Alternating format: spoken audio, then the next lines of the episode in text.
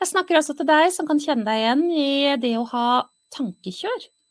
Tankekaos, katastrofetanker. Det er altså eksempel, om ikke det er katastrofetanker, så er det mye greier i toppetasjen. Tankekjør er jo kanskje det begrepet som er mest brukt. Blikket stille i hodet, og det kommer stadig tilbakevendende f.eks. bekymringstanker. Får ikke fred, får ikke ro fra dette her. Jeg snakker til deg som har utviklet angst. Jeg nevnte nedstemthet i stad. Det kom eh, i sinnet mitt med en gang, en gang til nå. Kan jo knytte det mot mindre glede også, men uh, den er hakket tøffere følelsesmessig enn å være nedstemt. Uh, jeg snakker til deg som har uh, diverse kroniske lidelser. Har du en kronisk lidelse, så snakker jeg til deg. Jeg nevnte dette med sårbarhet og nærtagenhet. Ja, absolutt. Jeg snakker til deg som opplever deg sårbar og nærtagen. Jeg snakker til deg som ikke føler at du er god nok. Jeg snakker til deg som styres av fryktredsel, som eksempel gjør at du strekker deg lenger enn du faktisk skulle ha gjort. At du kanskje tar ansvar for andre voksne menneskers følelser, er en people pleasing. Pleaser er en som, som må gjøre, gjøre, gjøre, gjøre, kontrollere, kontrollere og gi og gi og gi og gi. Det er styrt av frykt. Redsel, frykt for å bli avslørt som ikke god nok, frykt for å bli utelatt, frykt for å bli avvist, frykt for å ikke tilhøre. Det er noen sånne veldig grunnleggende mekanismer i oss mennesker. Kjenner du deg igjen i noe av det som jeg snakket om nå? Så snakker jeg til deg. Denne workshopen er for deg. Og jeg tror at jeg klarte å favne de gruppene som jeg eh, har ment å favne nå, ved å si det jeg har sagt. Takk for at du snakker til meg. Jeg vet denne workshopen vil bli lærerik og verdifull. ja. Tusen takk, Marte. Bø er inne. Ok, hvis du kjente deg igjen i noe av dette, eller jeg kunne ha sagt det også på en annen måte, hvis ikke du har lyst til å komme dit, bare for å eh, vise deg at egentlig så er denne workshopen for alle mennesker. For hvis vi ikke får ned stresset, så kommer vi dit, og jeg kommer til å gjøre det veldig tydelig for deg hvordan dette her henger sammen. Men eh, hvis du kjente deg igjen i noe av dette, så er du definitivt på rett sted. Og så vil jeg si litt om hvem eh, som ikke trenger å ta det med seg, som ikke egentlig har noe i denne gruppen å gjøre heller. Jeg snakker ikke til de menneskene som jeg skal eh, skissere for deg nå. De menneskene som har bestemt seg for at det ikke går an å få det bedre fra sin situasjon som de ikke er tilfreds i. Enten det er å bo i en kropp som ikke er god, enten, eller det er å være i et sinn som ikke er trivelig, ha kroniske lidelser ha, Altså, denne bestemmelsen om 'jeg kan ikke få det bedre', de menneskene snakker ikke jeg til. Og jeg kan fortelle deg hvorfor. For det første så er det veldig mye usannheter vi mennesker går og tror på. Og det er jo ikke fordi vi er dumme, men det er fordi vi har ikke fått de ingrediensene som skal til, som gjør at vi kan begynne å bevege oss i en annen retning. Men hvis vi har en bestemmelse om 'jeg kan aldri få det på en annen måte', så er det det vi har fortalt i hjernen, og da vil vi hele tiden lete etter det som kan bekrefte for oss at dette er sant. Og det er ikke noe vits i. Det er bare tull. Det betyr jo ikke nødvendigvis at tanken er sann, fordi tanker er veldig ofte ikke sanne. Men det er veldig vanskelig for et menneske som er der, å skape nødvendige endringer for å få et annet resultat. Så egentlig så er det selvsabotasje, og det er det veldig mange mennesker som holder på med, og det er ikke et blivende sted å være. Så jeg hadde bare lyst til å være litt tydelig på det. Jeg vil heller ikke snakke med de menneskene som nekter å tro at vi mennesker er en helhet. Som nekter å tro at det er en forbindelse mellom toppen og kroppen. De menneskene som tror at det er et skille her, liksom. Det, er, det fins noe av dem også i våre dager. De menneskene som ikke forstår eller vil tilnærme seg sannheten om at det som er her, det er også her. Og eh, det som foregår i toppetasjen, det er starten for alt hva det er som skjer i kroppen. Det kan godt hende at man ikke har den kunnskapen, men hvis man ikke vil forholde seg til at mennesket er en helhet, at vi har tanker og følelser, og vi har fysisk kropp, og vi har et sinn, og vi har, vi har veldig mye, og alt dette her henger sammen, så er ikke denne workshopen heller for deg. Det går ikke an å ta stressmestring på alvor hvis man har den tilnærmingen til forståelsen av en helhet. Det går ikke. Stressmestring i fokus, og ikke ikke tro at dette henger sammen med dette. Det er ikke mulig, fordi vi vet i vår i nåtid, enten man vil forholde seg til det eller ikke, at alt stress starter her. Og det blir jo ikke kun her, det gjør seg jo til utslag i kroppen. Vi har i dag Altså, jeg har løyet, jeg skal eh, si det. Jeg har løyet i um, mange år. Jeg har sagt at ca. 85% av alle sykdommer er stressrelaterte, men det er ikke sant, visstnok. For i ny tid så slår de lærde fast at det er så mye som 94% av alle diagnoser, all, alle symptomer, er stressrelaterte.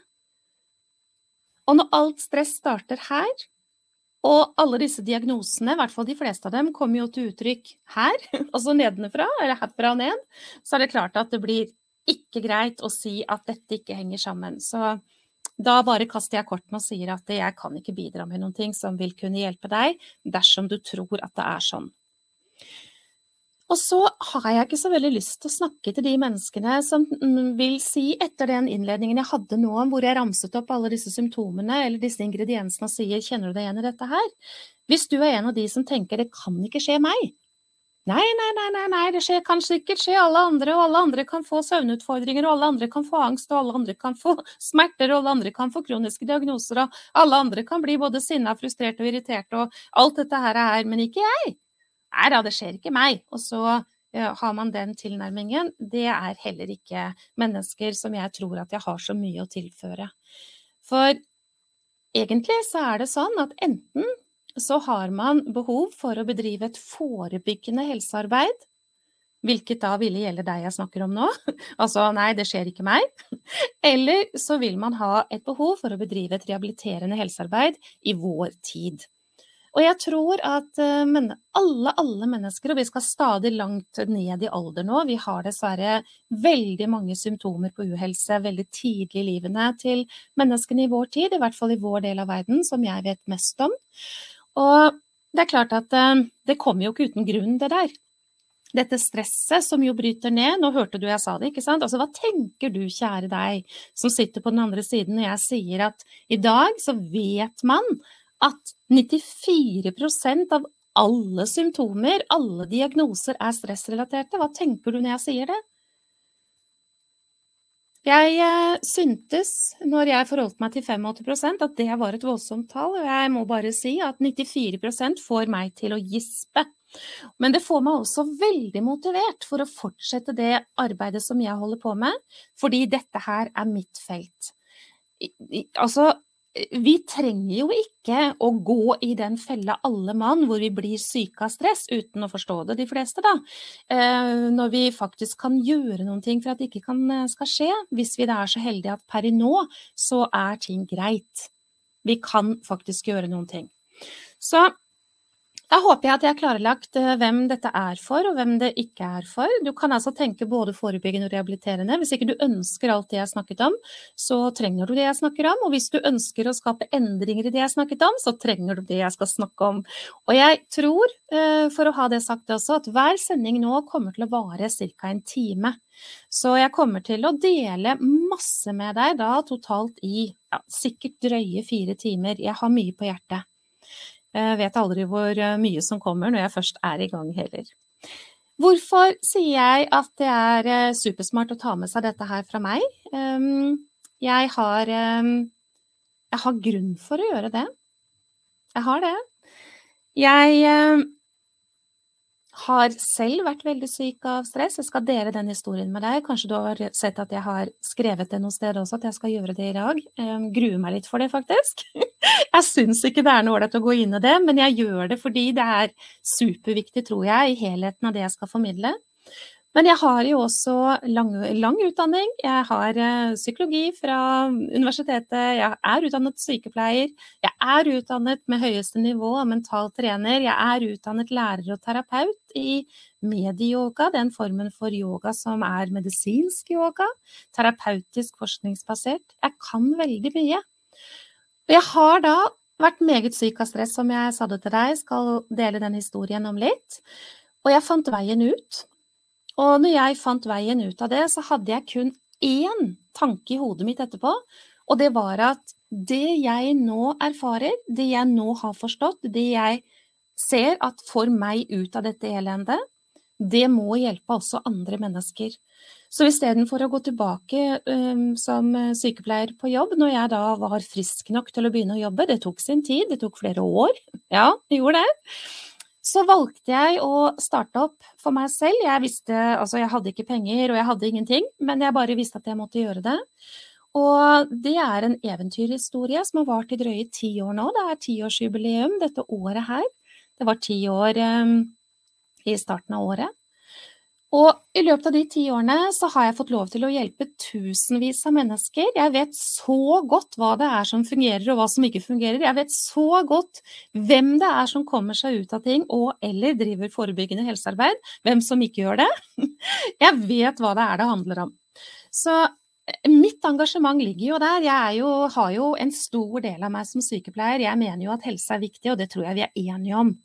Fortell meg det om du ikke er enig om at helse er viktig, vær så snill. For det er det jo. Altså, hva har vi i livene våre når helsa svikter? Det vet veldig mange av oss som har dessverre måttet oppleve det. Da. Så er det jo mange som ikke trenger å måtte oppleve det, hvis de bare gjør de rette grep. Eh, hvilket er veldig vanskelig å få til i dag, hvis man ikke sitter med verktøykassa, egentlig. Men iallfall, eh, jeg eh, brenner for å gi til deg fordi du er viktig. Og det er altfor mye uhelse i dag som vi strengt tatt ikke trenger å ha. Og der vet jeg at jeg kan komme inn og gjøre en forskjell, og jeg vet også at denne workshopen vil bidra til å hjelpe deg med det. Så jeg er superglad om du tar det med, deg, altså det må jeg si. Og så vil jeg veldig gjerne at du gir meg en hilsen innimellom. Hvis det er noe jeg sier som uh, gjør noe for deg, så fortell meg om det. Legg igjen en hilsen i kommentarfeltet hvis du føler at det er ok, da. Jeg eh, håper at jeg har klart å formidle til deg sånn konkret hva dette skal handle om da. Dette eh, Temaet for første sending som er i dag, er jo veldig tydelig. Fra syk av stress til fri for, fra bekymringer, livskraft, glede. Og jeg kunne ha vist frem veldig mange mennesker som jeg har fått lov til å hjelpe gjennom disse ti årene. Hadde jeg samlet alle disse menneskene og eh, gått i gågata her i Halden, så hadde Halden Arbeiderblad uh, kommet ut og tatt, laget en reportasje. De hadde lurt på hva i all verden er det som foregår her. Da er det et langt tog i gågata, og ikke er det 17. mai og ikke er det 1. mai. Ingenting. Hva er det med alle disse menneskene? Jo, de har faktisk gått fra da, å være syke av stress, eller forstå at det kommer til å skje, og ut av det og den muligheten for å bli så syk som jeg var nødt til å bli den gangen det skjedde dramatikk med meg i mitt liv.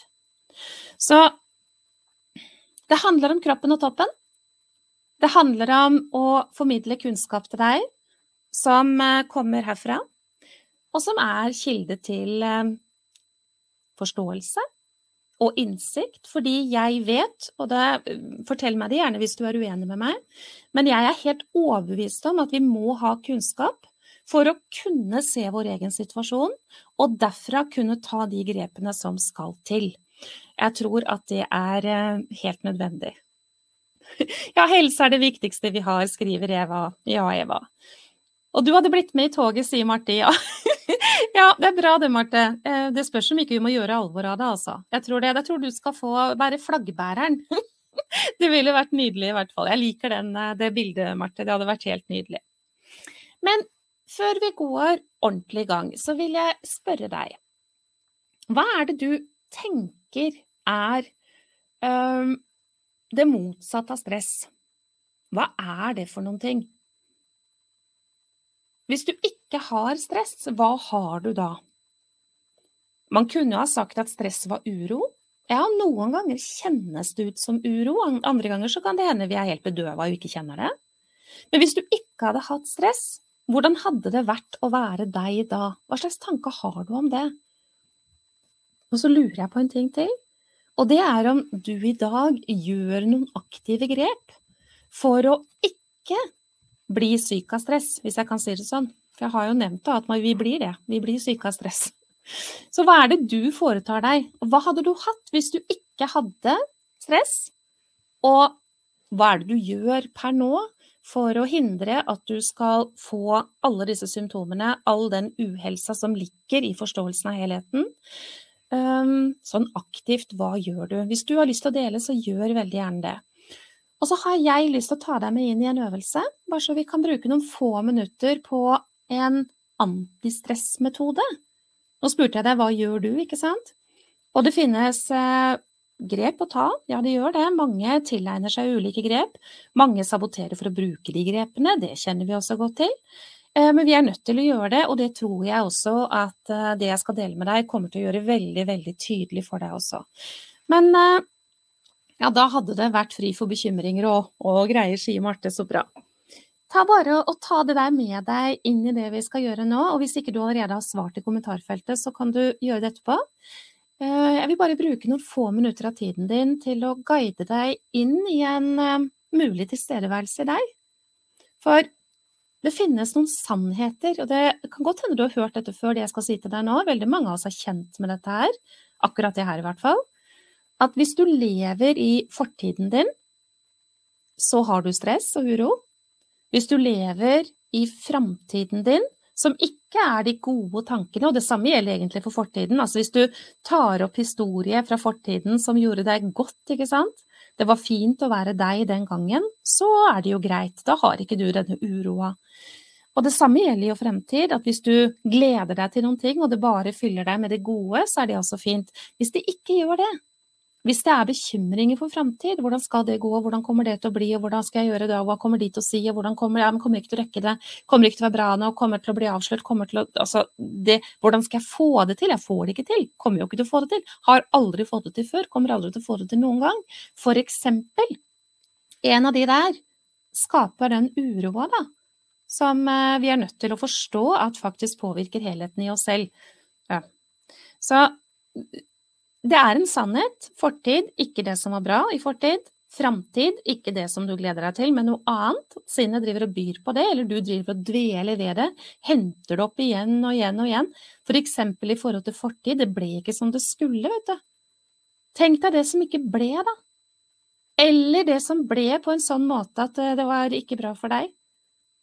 Henter det igjen og igjen og igjen og igjen. Altså, hallo i luken. Stress, stress, stress, stress, stress, stress. stress. Ok. Uh, her og nå, hvis vi, du og jeg, velger en bevissthet om nuet Akkurat nå så sitter jeg og ser på deg.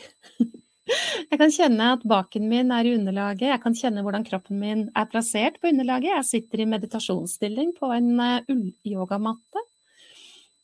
Sitter og ser på deg, tenker at jeg har kontakt med deg. Noen av dere kjenner jeg fra før, vet hvordan du ser ut. Og i det der så kan det ikke være noe uro. Akkurat her og nå, akkurat nå i kontakt med pusten, for eksempel, hvis jeg bare litt eh, kjenner etter hvor er pusten min? Kanskje jeg kan velge å sende bevisst den pusten litt mer ned i magen nå? Og bare puste godt ut. Prøv du òg veldig gjerne. Jeg lukker øynene mine, og så overtar jeg kontroll over pusten. Puster litt dypere, litt roligere. Og bare puster bevisst ut. Og så kan jeg legge merke til når kroppen min trenger at jeg skal puste igjen. Når den beskjeden kommer, så puster du bevisst. Og puster ut. Hvis du bare fanger nå det å kjenne kroppens møte med underlaget der du er. Enten det er baken din som sitter et sted, eller føttene dine som møter underlaget. Så har du tatt kontakt med nuet. Du kan da også gjøre det med pusten, sånn som vi akkurat gjorde. Og du kan velge å bare legge merke til hvordan kroppen din er plassert i vinkler, i knær, for eksempel albuer, skuldrer, ankler. Og så kan du, hvis du nå er med meg inn i det her og lukker øynene dine fordi du har muligheten, så kan du bare legge merke til hva det er du hører.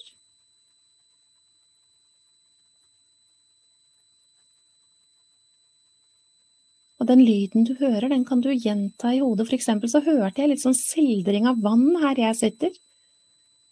Så jeg kunne ha sagt til meg selv jeg hører sildring.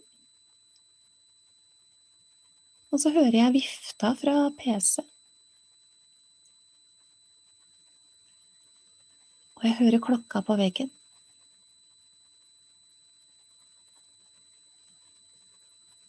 Det å fange nuet det er en effektiv måte å sette på bremsepedalen sånn lite grann. Her og nå. Og så kan jeg utfordre deg litt til det jeg skal si nå. For her og nå er alt bra. Akkurat i nuet. Akkurat i det å møte baken på underlaget. Det å kjenne kneet som er eh, plassert på den måten. Det å høre sildringen av vann det å trekke et dypt pust. Når tankene ikke er fortid, fremtid, når tankene ikke er i bekymringer, når tankene ikke er i det som skulle ha vært på en annen måte, eller det gikk jo ikke an, og det burde ha vært sånn, eller hvordan skal jeg rekke det, eller hvordan kommer det til å gå, eller det jeg sa var dumt, jeg er ikke god nok, de andre liker ikke meg, hvordan skal jeg klare, hvordan skal jeg Orker ikke tanken på 17. mai, for eksempel. Klarer jeg å vekke noe hos deg nå? Jeg håper det. Skriv gjerne i kommentarfeltet hvis du, hvis du tenker at oi sann, her var det et eller annet. Hvis du nå fikk et øyeblikk av ro, så del det med meg. Det er altså en sannhet i forhold til stressmestring, da. At hvis du ikke forstår at tanken din som går til fortid, og tanken din som går inn i framtid, er stressorder, så kan du jo aldri kunne komme dit hvor du kan få skrudd av og balansert, da. Eller hvis du ikke har kunnskap om hvordan stress egentlig gir seg til kjenne, eller hva det er som egentlig er stress, og det må vi også snakke litt om. Jeg skal komme mye mer tilbake til både kroppens fysiologi, altså hvor kjedelig kan ikke det være, men det er noe av det der vi trenger, og forståelsen rundt det som jeg snakket om nå i de neste sendingene. Så det skal bli veldig tydelig for deg når jeg sier at alt stress starter her. Så hvis du styrer tanken din mot pusten, mot bevissthet i nuet, litt sånn som vi gjorde det nå, så vil også kroppen din respondere på det. Og det her er en vesentlig brikke å få med seg i dette puslespillet. Så kan vi jo undre oss over da, hvorfor kommer alle disse tankene, og det skal vi også snakke litt om, og hva det er det handler om det her, og hva det er som skal til for at det også skal bli roligere i hodet, sånn eh, på daglig basis. For tenk, det går an det òg. Selv om vi har et sted mellom 65 og 85 000 tanker hver dag. Men du, før vi fortsetter, jeg skal ganske snart, jeg, jeg merker at jeg sitter og utsetter det jeg ikke har lyst til. Og det er ganske menneskelig, da. Jeg vet ikke hvordan det er med deg. Kan du kjenne deg igjen i det å utsette noen ting som du egentlig er nødt til å ville velge å gjøre? Det kan være noe som skulle kunne gjøre deg godt, at du utsetter det også. Men det kan også være andre ting du utsetter, men det er selvsabotasje. Så akkurat nå sitter jeg og bedriver selvsabotasje her på direkten med deg selvsabotasje i forståelsen av at jeg, eh, jeg, gruer meg litt, så jeg driver og utsetter det. Men eh, hele meg vet at det skal gjøres. Så det er bare egentlig å hoppe i det. Jeg kjenner meg igjen i det å utsette. Ja, vi er ganske gode på det, men det er ikke spesielt smart, da. For sinnet har fått det med seg, og det er stress i det hele veien. Men jeg skal ganske snart komme i gang med å fortelle min historie, som er helt, og det er helt vesentlig for å klare å få gitt deg alt jeg planlegger å gjøre i denne workshopen. Eh, og jeg har gått mange runder med om jeg skal eller ikke skal, men jeg velger, har landet på at jeg skal. Men du, hva er egentlig stress? Hva er det du vet om hva stress er? Kan ikke du svare i kommentarfeltet en setning på det? Hva er din forståelse av hva stress faktisk er? For når tittelen på denne sendingen handler om 'Fra syk av stress' til eh, noe helt annet, da, så må vi jo vite hva stress faktisk er. Så del med meg, du som er her inne, så jeg ser hvor du er hen når det gjelder kunnskapen i forhold til hva stress faktisk er.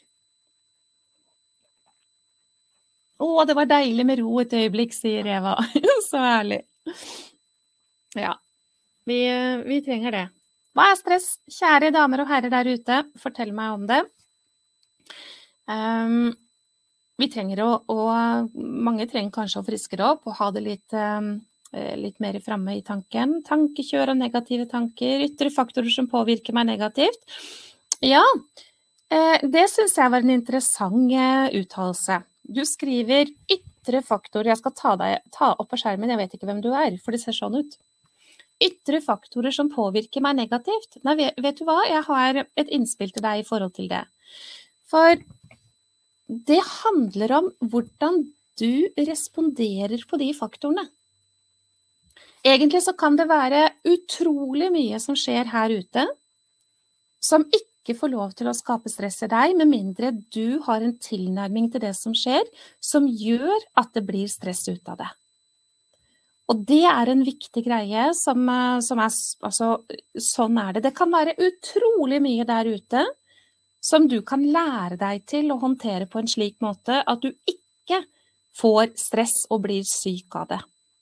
Men eh, hvis du tenker at ja, men alt det her ute, det må jeg også, det er sånn, og det må jeg sånn og sånn og sånn, det vil jo påvirke meg, og det påvirker meg, og jeg kan ikke gjøre noe med det og sånn, så eh, er det jo sant. Da blir det stress. Men eh, det er fullt mulig å møte det som foregår, på en annen måte. Det er negative tanker og dårlig Selvsnakk, ja. Det er ubearbeidede følelser, som en sier. Det er også helt riktig. Tankekjør, følelser som ikke blir møtt. Ja, alt det som skrives er jo helt sant. Ok. Jeg har altså bestemt meg for, uh, som jeg har varslet, og jeg skal gå inn i det nå, um, det å dele noe om min historie. Ja, før trodde jeg det var det å masse å gjøre, nå er det tankekjør, om jeg lar det få lov å styre. Helt riktig.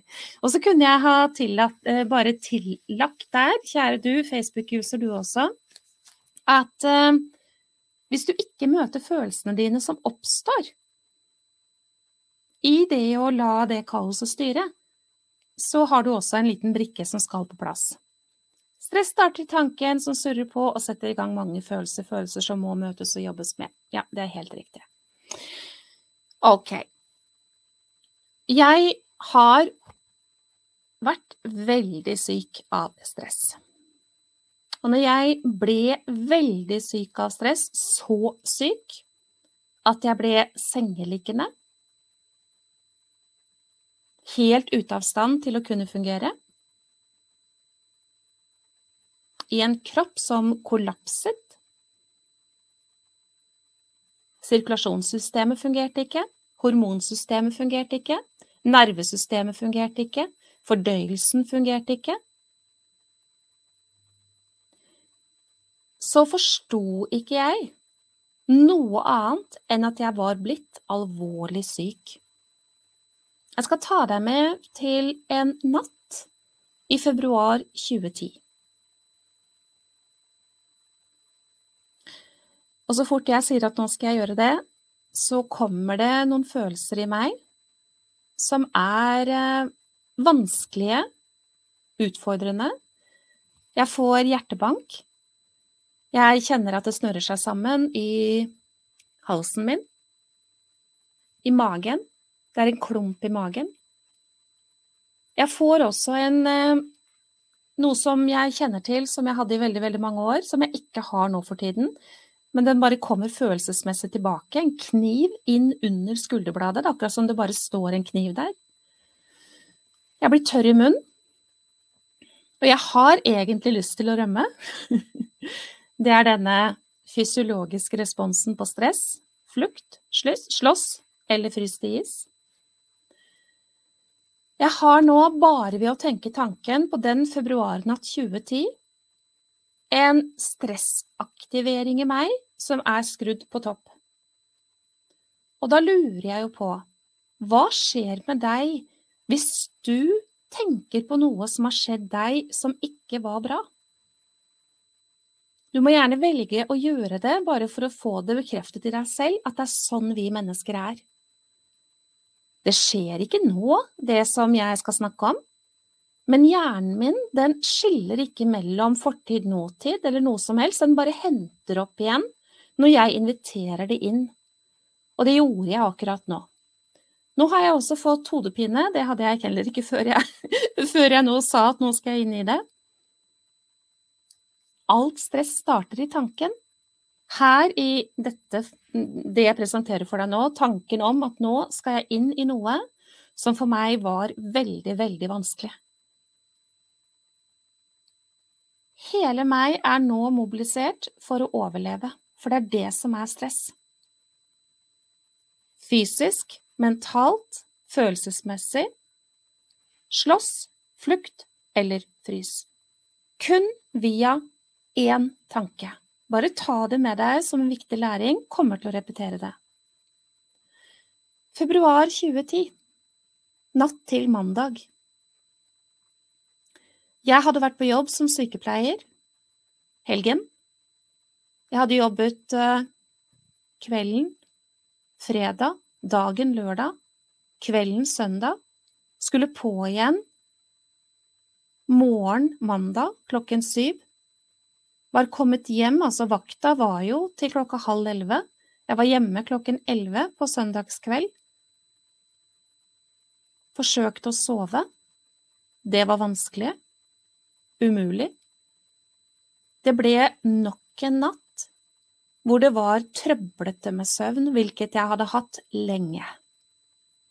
Sannheten var at det var veldig lenge siden jeg hadde sovet en natt.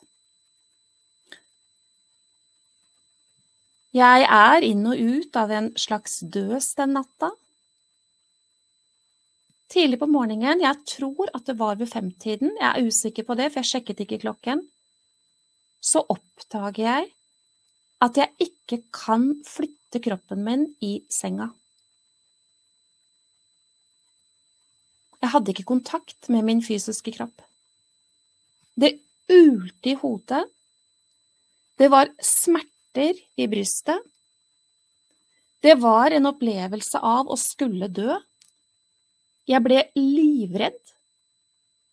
Og jeg husker så godt at den tanken som ljomet i hodet, det var i forhold til død og i forhold til hva skjer med meg?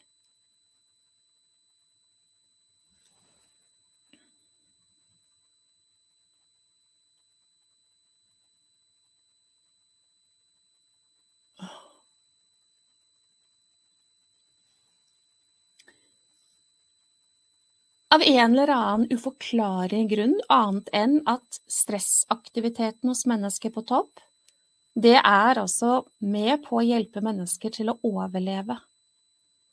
Her hadde jeg en vanvittig kollaps i hele meg, det var helt forferdelig situasjon. Men den tanken jeg fikk, sånn etter hva skjer med meg og jeg kommer til å dø og sånn, det var jeg må på jobb. De er avhengige av at jeg kommer meg på jobb og får avlagt rapport. Jeg er den eneste som har vært på vakt som sykepleier hele helgen. Jeg er den eneste som kan gi den rapporten utfyllende. Det var altså Det, det sto så klart for meg at det, jeg tror himmelen måtte ha ramla ned for å hindre meg i å komme på jobb. Det var akkurat som en tanke om at du, Monica, vet du hva, du betyr mer enn å komme på jobb nå. Det kan du glemme, du skal ikke. Den var, den var ikke til stede. Det var, det var, helt umulig å forestille seg at jeg ikke skulle på jobb. Hvordan jeg klarte det, det kan jeg ikke redegjøre for, annet enn at jeg har forstått at det var soldaten på vakt som hadde blitt skadet hardt, og som klarte å komme seg til leirplass for å få hjelp.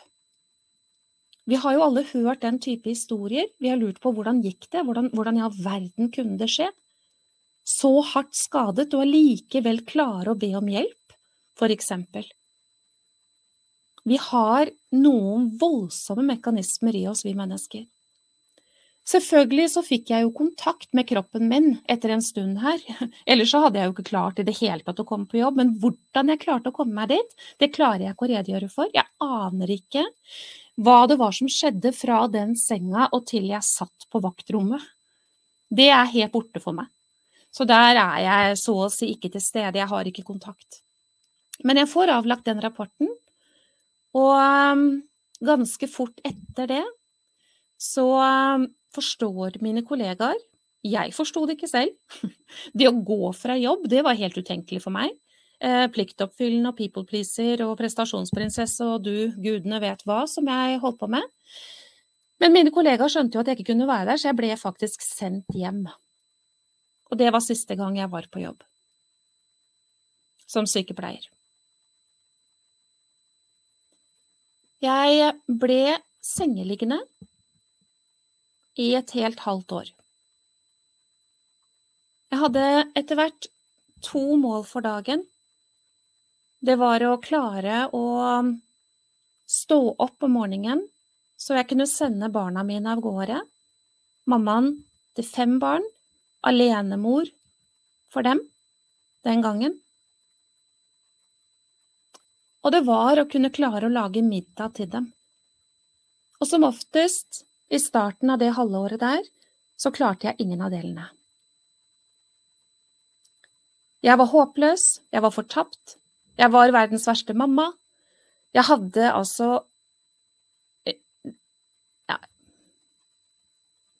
Barna var mellom 8 og 16 år. Og det var jo eldstejenta som fikk mye ansvar for å få det her til å gå rundt. Ja, det var helt forferdelig. Veldig lenge, også i starten der, så er jeg fremdeles sikker på at jeg har blitt akutt syk. Så det blir jo å komme seg for eh, undersøkelser. Alt man kunne få ut av det, det var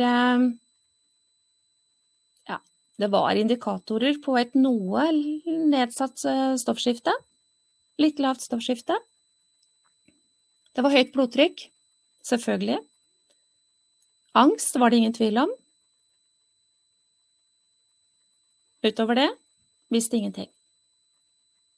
Det var ikke noen prøver som kunne vise noen ting, annet enn muligens et litt lavt stoffskifte. Ble satt på Levaksin. Eh, det fungerte jo ikke, merka ikke noe særlig forskjell på situasjonen av det. Etter hvert så fikk jeg diagnosen fibromyalgi, og det er jo en kronisk diagnose, og da trodde sykepleieren at hun måtte ha det sånn for resten av sitt liv. Heldigvis tok hun feil. Jeg hadde smerter i hele kroppen. Jeg hadde det jeg opplevde som konstant angst. Jeg kunne sove og sove og sove uten å bli restituert. Det burde egentlig ha stått på den lista jeg ramsa opp for deg i stad i forhold til symptomer. Det å ikke være restituert, klar for en ny dag, er også et symptom, dessverre. Ja, det var kort sagt et ja, Jeg våger å si det et helvete. Jeg var så redd, jeg var full av frykt, jeg var full av skam, jeg var full av håpløshet, og jeg ville ikke leve lenger.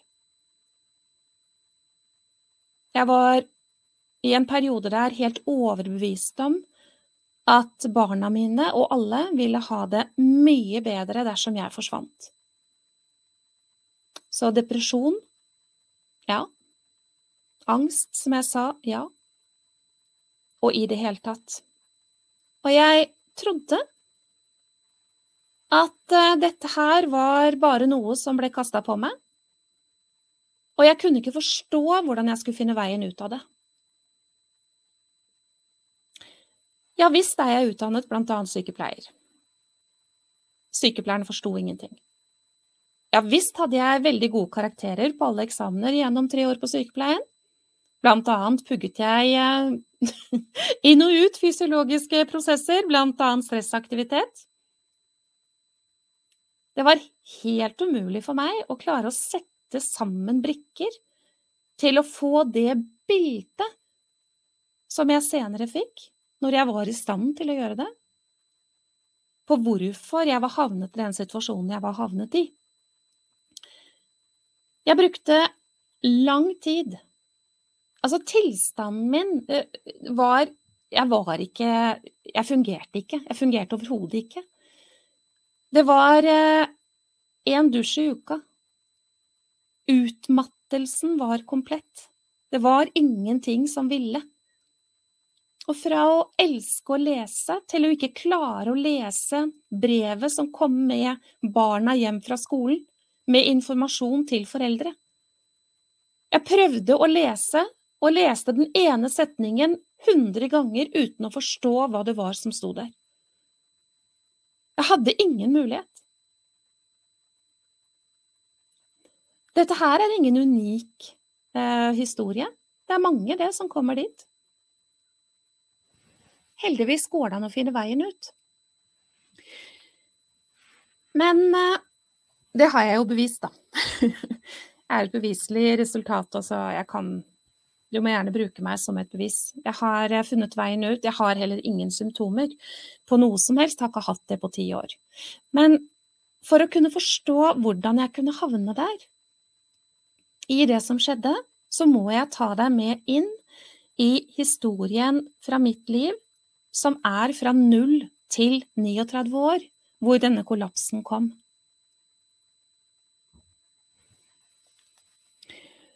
Og det er da det begynner å bli eh, utfordrende for meg, egentlig, i tillegg. sånn skikkelig utfordrende. For det er uh, noe som krever det også. Hvordan kunne jeg komme dit? Jo, jeg hadde brukt 39 år på å komme dit. Det er utvilsomt sånn at den modellen av verden som et menneske har å forholde seg til, det er det som avgjør hvor mye stress et menneske får. Jeg lå i den sengen og var meget syk av stress. Hvordan kunne jeg komme dit? Jo, fordi jeg har en barndom hvor jeg ikke ble sett, hørt og forstått, hvor jeg ikke fikk den ubetingede kjærligheten som barn trenger, hvor jeg var til bry, hvor jeg var eh, Hva var jeg? Og det eneste jeg var i behov av, det var å få kjærlighet, hvilket jeg ikke kunne få fra mine omsorgspersoner, for de eide det ikke selv. Og ingen mennesker kan gi noe som de ikke har tilgang på i seg selv. Det er veldig lurt å få spikra fast. Og hva er det som skjer da med et barn som vokser opp under forhold hvor dette med å bli sett, hørt og forstått, og med å få ubetinget kjærlighet, full og hel aksept, eh, ingen dømming osv. Det er viktige ingredienser her. Du er god nok som du er. altså, eh, når man ikke får det der, så vil man utlede strategier for å få det. For vi mennesker, vi er helt avhengig av tilhørighet. Vi er helt avhengig av kjærlighet. Vi er helt avhengig av å være en del av flokken vår. Så hvis vi vokser opp under forhold hvor dette her ikke bare kommer naturlig på plass, så begynner vi å utlede strategier. Og for mitt vedkommende, som da er oppvokst i et hjem, dysfunksjonelt hjem, det visste jeg jo ikke da, men det skjønte jeg jo etter hvert at det var sånn det var. Um, hvor ingrediensene som skulle på plass for at dette barnet kunne vokse opp og bli trygg i seg selv og få lite stress, hvilket vi skal snakke mer om også, hvordan dette henger sammen, var jo da nødt til å utlede strategier. Og mine strategier, det ble prestasjonsprinsessa, det ble det å være opptatt av å prestere, perfeksjonere.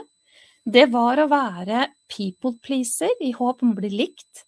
Det var å utvikle veldig, veldig stor, et veldig stort behov for kontroll. Det var Jeg var ikke så mye konfliktsky, selv om det også er en av de vanlige strategiene som blir eh, utviklet. Jeg skal bare ramse opp de vanlige, så kan du se hvor du kjenner deg igjen i. Noe av det, kanskje prestasjon, perfeksjon, fasade, konfliktskyhet, people pleasing. Det å være grenseløs, det var jeg, den er også der. Og det å utvikle et veldig stort behov for kontroll. Det er veldig typiske strategier. Dem kan man nesten se litt sånn check, check, check, check på alle som blir syke av stress. Det er nesten alltid en eller flere ingredienser her. Og så finnes det en del andre som er litt mer spesifikke for enkeltindividet. Det jeg vil du skal se, det er at når disse stroppene blir brukt, da, jeg kaller det for stropper, disse strategiene er hva jeg kaller for stropper, så vil man hele tiden ha det som stressorder i bunn. Altså, hvorfor skulle jeg være opptatt av å bli likt? Jo, for jeg trengte kjærlighet. Hvordan tror du tankene går til et menneske som trenger kjærlighet? Hvordan tror du tankene går til et menneske som er opptatt av å prestere og bevise? Hvordan går tankene i forhold til dette med å være opptatt av kontroll? Nå har du hørt, jeg håper du fikk det med deg, alt stress starter i tanken. Hvordan er tankesettet til et menneske som holder på med disse strategiene, kontra, et, eh, kontra et menneske som ikke trenger det? Det er ganske forskjellig. Og hver og en av de tankene i det tankesettet til disse menneskene som trenger å bruke disse stroppene, det er stressorder. Dette med å være oppvokst i en familie som ikke evner å gi barnet, her når jeg snakker om meg selv, da, meg det å bli sett, hørt og forstått og få kjærlighet, det skaper troer og forestillinger og overbevisninger som man blir drassende med seg videre. For hos menneskesinnet, altså deg og meg og alle, så er modellen av verden ferdig forma når vi er ca. tolv år gamle. Og etter det så er det det vi har med oss, våre troer og forestillinger osv. Skal snakke mer om det i kommende sendinger. Jeg var ikke gamle jenta uh, før jeg hadde de første symptomer på uhelse i min kropp. Det første som eh, ble synlig, var at jeg eh, var sengeveter. Jeg var natteveter og dagveter langt opp i skoleåret-alder. Eh, og det leder meg til å tenke hvordan jeg ble møtt av det. Altså, vi bodde i tiende etasje i en høyblokk i Oslo med vaskekjeller.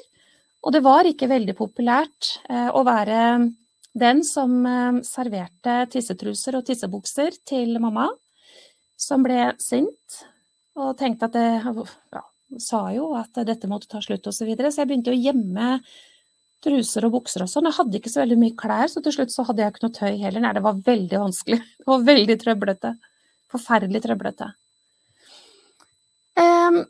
Jeg har et symptom til som kommer veldig tidlig. Og det er at jeg utvikler atopisk eksem. Det er jo ikke tilfeldig verken det ene eller det andre, altså. 94 eh, av all uhelse kommer ifra stress, da. Vi må ikke innbille oss noe annet. Um, jeg klødde meg jo til blods, da. Det var så ille i perioder at jeg klødde og klødde, og det begynte å blø på klær og sengetøy og sånne ting.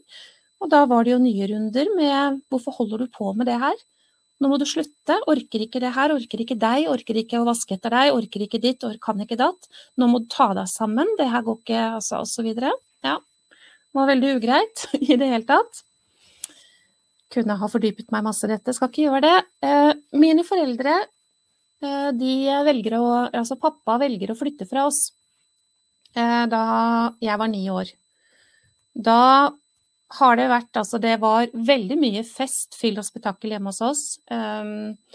Veldig mye hver helg osv. osv. Jeg har oppvokst i meget utrygge omgivelser i så måte. Pappa han forelska seg i en av disse festedamene som stadig var på besøk hjemme hos oss, og bestemte seg for at han ville begynne et nytt liv med henne da jeg var ni år. Så han eh, drar av gårde, og det var ekstra trøblete for meg, fordi jeg hadde en opplevelse av at pappa han eh, var glad i meg. Så jeg opplevde det at han flytta som veldig, veldig vanskelig. Men jeg har bare lyst til å dele hvorfor jeg trodde at han var glad i meg, bare så du kanskje får en sånn kontur av hva det er vi snakker om her. For det var, hadde vært to episoder hvor eh, jeg hadde fått uh, indikator på at han var glad i meg. Og det var at vi, jeg er yngst av tre søsken, tre jenter. Og så hadde vi sittet i bilen og skulle et eller annet sted, uh, og så sang vi i bilen og så fikk mine søstre beskjed om å tie stille, men jeg kunne få lov til å synge. Det husker jeg veldig godt. Og da tenkte jeg at jeg var jenta til pappa. Han var glad i meg. Og det var nydelig. Og så var det en søndag, som jeg også husker veldig godt, hvor pappa ligger på sofaen og sover ut rusen. Og så ligger han på siden med bena i sånn, sånn krok, vet du. Og lille Monica hun satte seg da i den kroken og fikk lov å sitte der så lenge jeg satt helt stille. Og det gjorde jeg. Jeg satt helt stille, musestille, og jeg var sikker på at pappa var glad i meg for at jeg fikk lov å sitte der. Så vi er på det nivået. Pappa dør i en bilulykke da jeg er elleve år. Elleve og et halvt år. Cirka seks måneder etter det så har jeg så mye smerter i kroppen at um, min farmor, altså mammaen til pappa, hun sendte meg til behandling.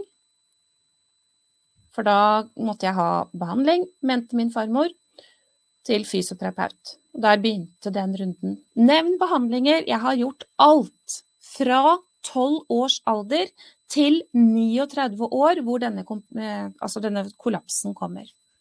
Alt. Det var tolv behandlinger og tolv behandlinger og tolv behandlinger og tolv behandlinger hos fysioterapeuter og kiropraktorer, og nevn hva det måtte være. Jeg har prøvd, jeg har vært der. Det var lindring, men hvorfor kom det tilbake?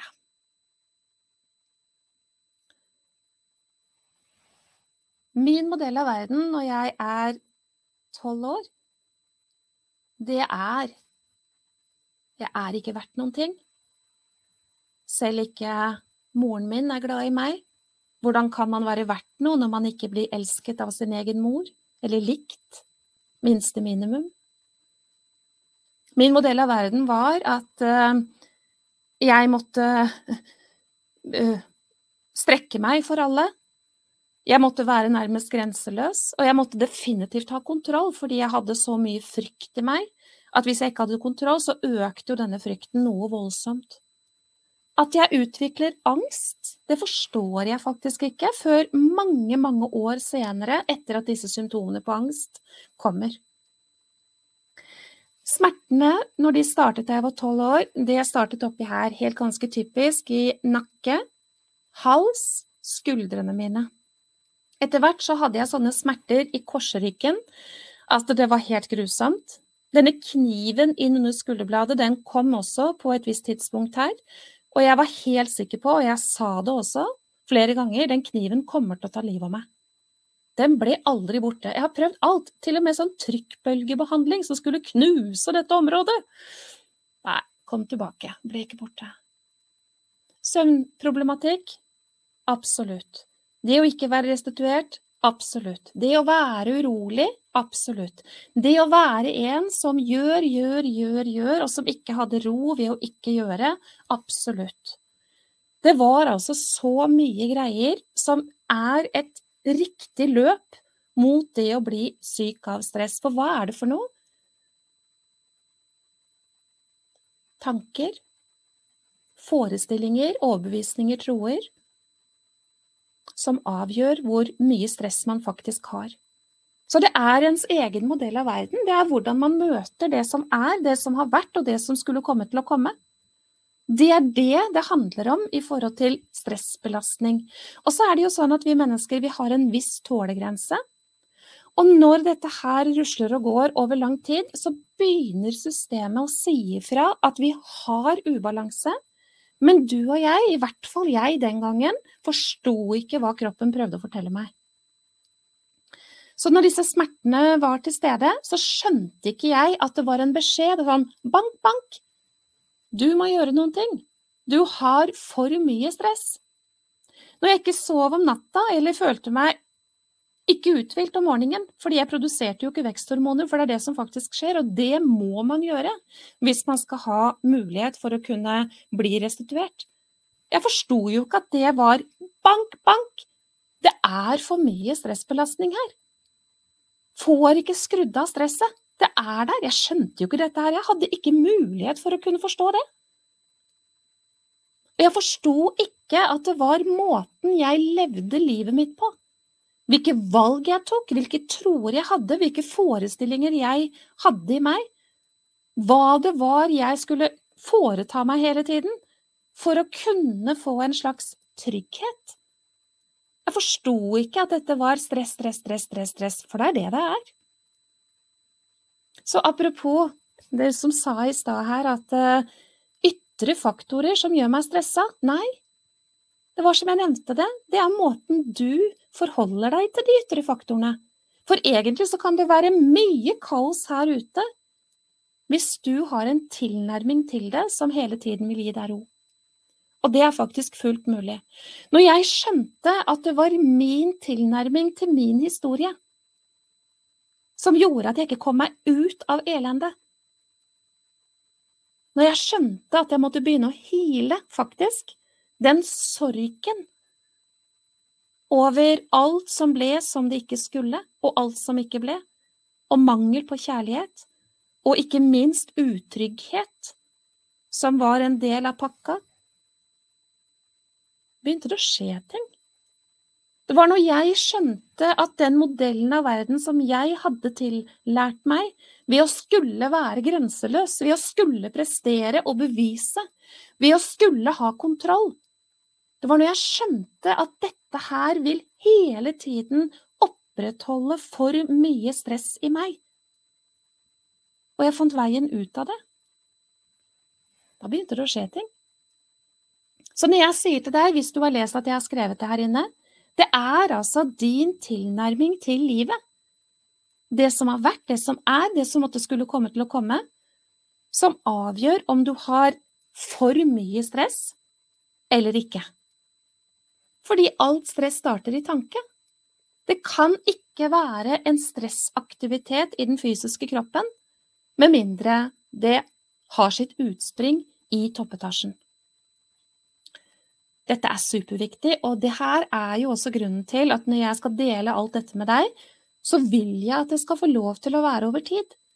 Fordi vi må trekke i noen tråder for å skape den store forståelsen som også da gjør forskjell for deg i ditt liv. Hva handler det om? Hvor skal vi, og hvordan skal vi komme oss dit?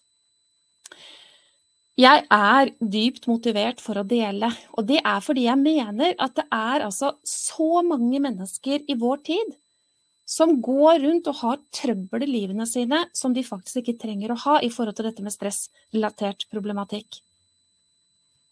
De har en jobb å gjøre, men så er det jo noe med hvordan skal jeg kunne gjøre den jobben, med mindre jeg forstår det, disse tingene? og kan få det verktøyet som skal til da, for å kunne endre på det. Det er jo helt avgjørende, ellers så skjer det ingenting. Så på mange måter så kan man si at den dagen lille Monica, som vokste opp og ble veldig utrygg, behøver ikke å være så dramatisk som i min historie. Det kan være nok at man ikke ble tilstrekkelig sett, hørt og forstått. Faktisk kan det være nok. Den dagen hun fikk den kjærligheten hun trengte av meg som voksen, så var det en nødvendig brikke på denne reisen for å få det til å bli på en annen måte. Jeg fant veien ut ikke bare fant jeg veien ut av elendet i forhold til hva som hadde skjedd meg, det å hile og komme seg bort fra det å være et offer for det som har skjedd. Det vil altså si at det er forskjell på å være offer og det å bli i en offerrolle. Hvilket kanskje vi også skal snakke litt mer om i løpet av sendingene. Når jeg ikke lenger ville tillate meg selv å være i et offerrolle, så forandret det seg jo oppe i toppetasjen tilnærming, syn, troer og forestillinger, som igjen da gjorde at stresset i kroppen kunne ikke komme på samme måte. Dette handler om nervesystemet, mine damer og herrer, vi må komme tilbake til det. En stressår trigger nervesystemet, sender beskjed til binyrene som skiller ut tre stresshormoner, og der blir hele mennesket satt i beredskap for overlevelse av kun én tanke. For eksempel, hvordan skal dette gå? Jeg tror ikke jeg får til. Hva tenker de om meg? Hvordan kommer jeg til å klare det? Jeg er mislykket. De andre er bedre enn meg, hun er penere enn meg, han er flinkere enn meg. Altså, hva som helst. Det skulle ikke ha vært sånn. Hvordan kunne hun? Det går da bare ikke an. Jeg kan fortsette veldig, veldig lenge. Det er stressorder, stressorder, stressorder. Hvis de ikke blir korrigert av mennesket som eier eller får den type tanke, så vil det gi påslag i fysisk kropp, i sinnet vårt og i forhold til våre følelser. Alt henger sammen, og det har jeg en intensjon om at skal bli veldig tydelig for deg gjennom sendingene. Kroppen begynner veldig ofte med små hvisken. Det kan være litt stramninger hist og her, ganske typisk oppi det området her. Det kan være gjentakelser av eh, infeksjonssykdommer. Det kan være søvnproblematikk. Altså i dag så har Altså hvor stor andel av voksne mennesker spiser sovetabletter, er helt vanvittig.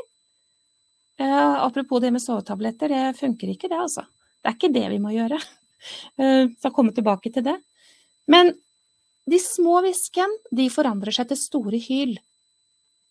Og der får vi som oftest våre diagnoser, og hvis vi da velger å gjøre det som mange da gjør, vi lener oss litt på diagnosen, og så sier vi ja, ja, sånn ble det å være meg, vet du. Jeg får bare ha det sånn, jeg, da. Ja, det får bare være sånn. Og kronisk og greier, sånn trodde jo jeg òg. Jeg argumenterte jo hardt og lenge for at jeg kunne ikke få det bedre, jeg var jo kronisk syk. Eh, men det er jo lurt å gjøre noe med årsaken da, til hvorfor disse symptomene har kommet, for så å hjelpe kroppen til at det kan bli på en annen måte, for det er faktisk det som skjer. Du bor i en helt fantastisk kropp. Hvis du gir deg det som skal til for at kroppen skal kunne balanseres og være i en slags balanse i deg, så er det veldig mange av disse typiske symptomene på uhelse og diagnosene vi har i vår tid, som ikke inntreffer, for det er ingen grunn til det. Når man får beskjed med smerte eller ubalanse eller betennelser eller søvnutfordringer eller angst eller depressive tanker eller hva det måtte være, katastrofe osv., osv., alt det som er liksom remset opp og enda mer til, så er det den fantastiske kroppen som sier du, det er noen måter du lever livet ditt på. Det er noe du går og tror på. Det er noe du holder på med. Det er noe du ikke tåler. Du kan ikke ha det selvsnakket du har, eksempel. Du kan ikke drive og dømme deg selv som ikke god nok, som et veldig tydelig eksempel på det. Du kan ikke ha et, et snakk i deg som du ikke ville ha sagt til noen andre. For det går jo ikke upaktet hen. Det påvirker hver eneste celle i kroppen din. Du er nødt til å gjøre noen ting. Bank, bank, bank, sier kroppen. Men hvis vi ikke forstår dette, altså hvis ikke vi skjønner helheten, som jeg nå håper at jeg har klart å begynne å tydeliggjøre for deg, hvordan skal vi da få gjort noe med det? Hvis ikke vi skjønner at stramningen i nakken er en beskjed, hvis ikke vi skjønner at smerten i korsryggen ikke er fordi vi er svake i ryggen, hvilket jeg ikke trodde i mange år, for det ble jeg jo fortalt, ja, da må du fortelle meg hvorfor jeg ikke har det lenger. For jeg ikke, har ikke trent så mye rygg i de siste åra. Når vi ikke forstår at kroppen sier ifra, fordøyelsen sier ifra, at alt sier ifra for å guide oss inn på den sanne veien, hvordan skal vi da kunne ta grep? Det er jo helt umulig.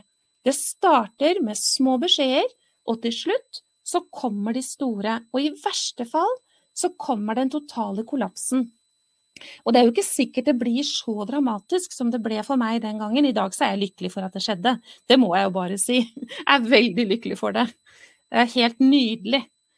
Men uh, utmattelsesproblematikk har vi mye av i vår tid. Veldig, veldig mye av det. Vi har mye angst også. Det er en ganske tydelig beskjed. Vi har mye depressivitet, ja det er også veldig tydelige beskjeder. Utmattelsesproblematikk, det er ikke snakk om at kroppen kollapser, med mindre det faktisk har blitt påført så mye til den kroppen at det er ikke mer å gå på, og kroppen bare håper nå skal du lytte, når du nå ikke klarer noen ting. Når jeg nå tar fra deg alle muligheter til å fortsette å gjøre, kan det jo hende du forstår at du er nødt til å balansere med været. Men denne måten å tenke på, denne forståelsen som ligger i det jeg snakker om nå, og mer til, som skal komme i de neste sendingene, det kan jo ikke vi tilegne oss med mindre vi faktisk får kunnskapen.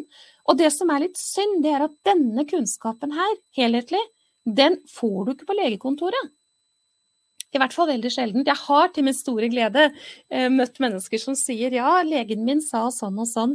Og det er helt vakkert. Men sånn i det store og hele så er legene våre, fastlegene våre, de forsøker så godt de bare kan å gjøre sin beste jobb. Stakkars mennesker, sier jo jeg. Fastlegene har ikke lette arbeidsdager. Men de leter etter symptomer som kan forklare noe, så de kan gi enten henvisning til noen ting, piller eller et eller annet. De forklarer ikke disse prosessene som jeg sitter og snakker om. Én stressord, altså én tanke, som er negativ, begrensende, utløser stressaktivering, som egentlig er hele systemet i deg til overlevelse. Og det skiller ikke på sant usant. Det skiller ikke på fantasi virkelighet. Du kan altså fantasere katastrofer, og du er i beredskap. Det skiller faktisk heller ikke på deg og andre. Så når du driver og åler, vet du, du er så medlidende med andre mennesker f.eks., og du snakker og snakker om lidelse, lidelse, så kan det være at du har påslag i deg selv, og mest sannsynlig så har du det. Ganske viktig å vite noe om. For å kunne sette grenser, eh, i hvert fall trene på det, komme dit hvor man gjør det. Det å være medfølende istedenfor medlidende, det vil jeg jo på det varmeste anbefale i forhold til egen helse, hvilket er avgjørende.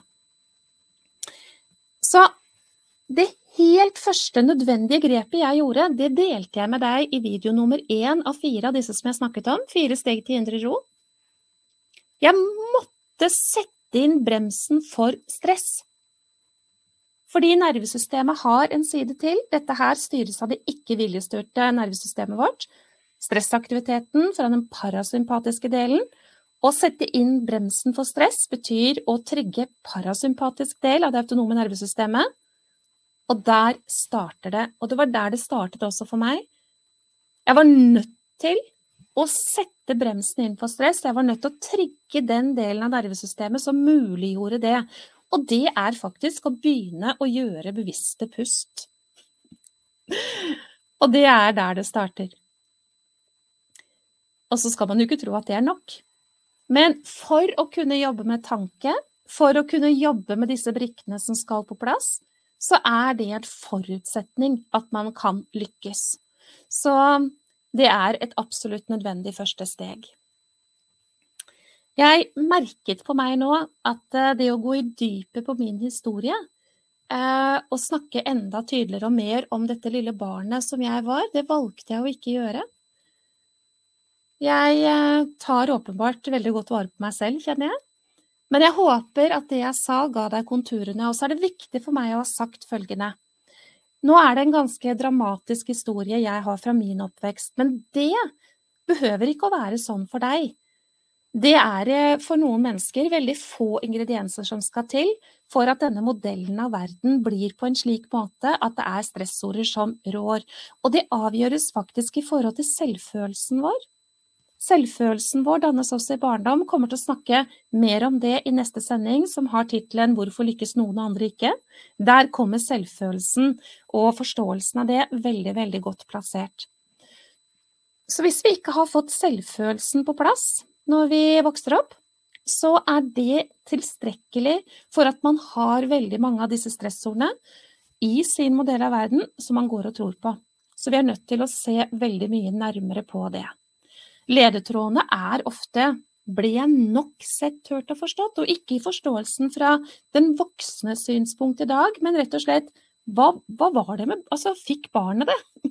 Følte barnet seg sett, hørt og forstått? Og det å kanskje være eh, litt ekstra ærlig med seg selv i forhold til det, så kan man komme langt i forståelsen.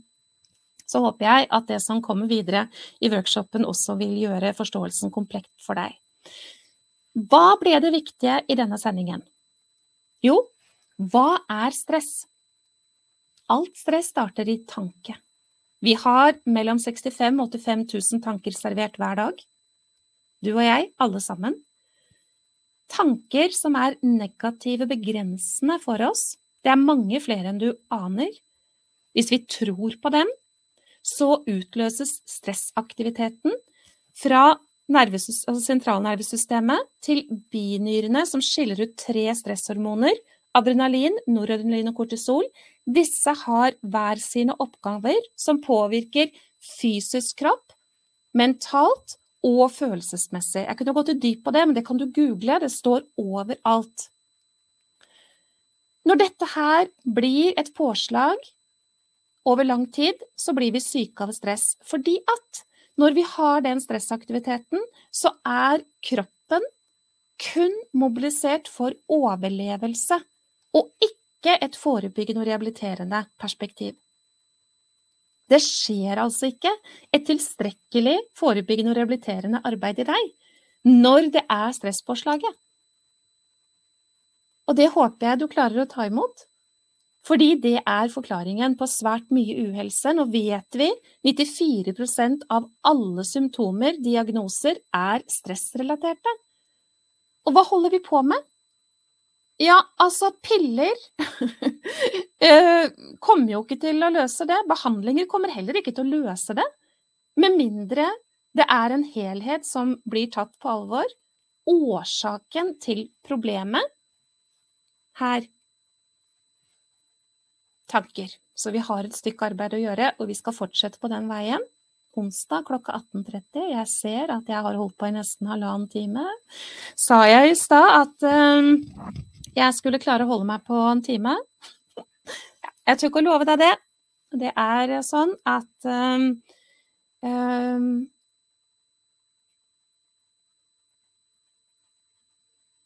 Jeg syns at det er viktig å få lov å dele med deg, så da får du ta den tiden det tar.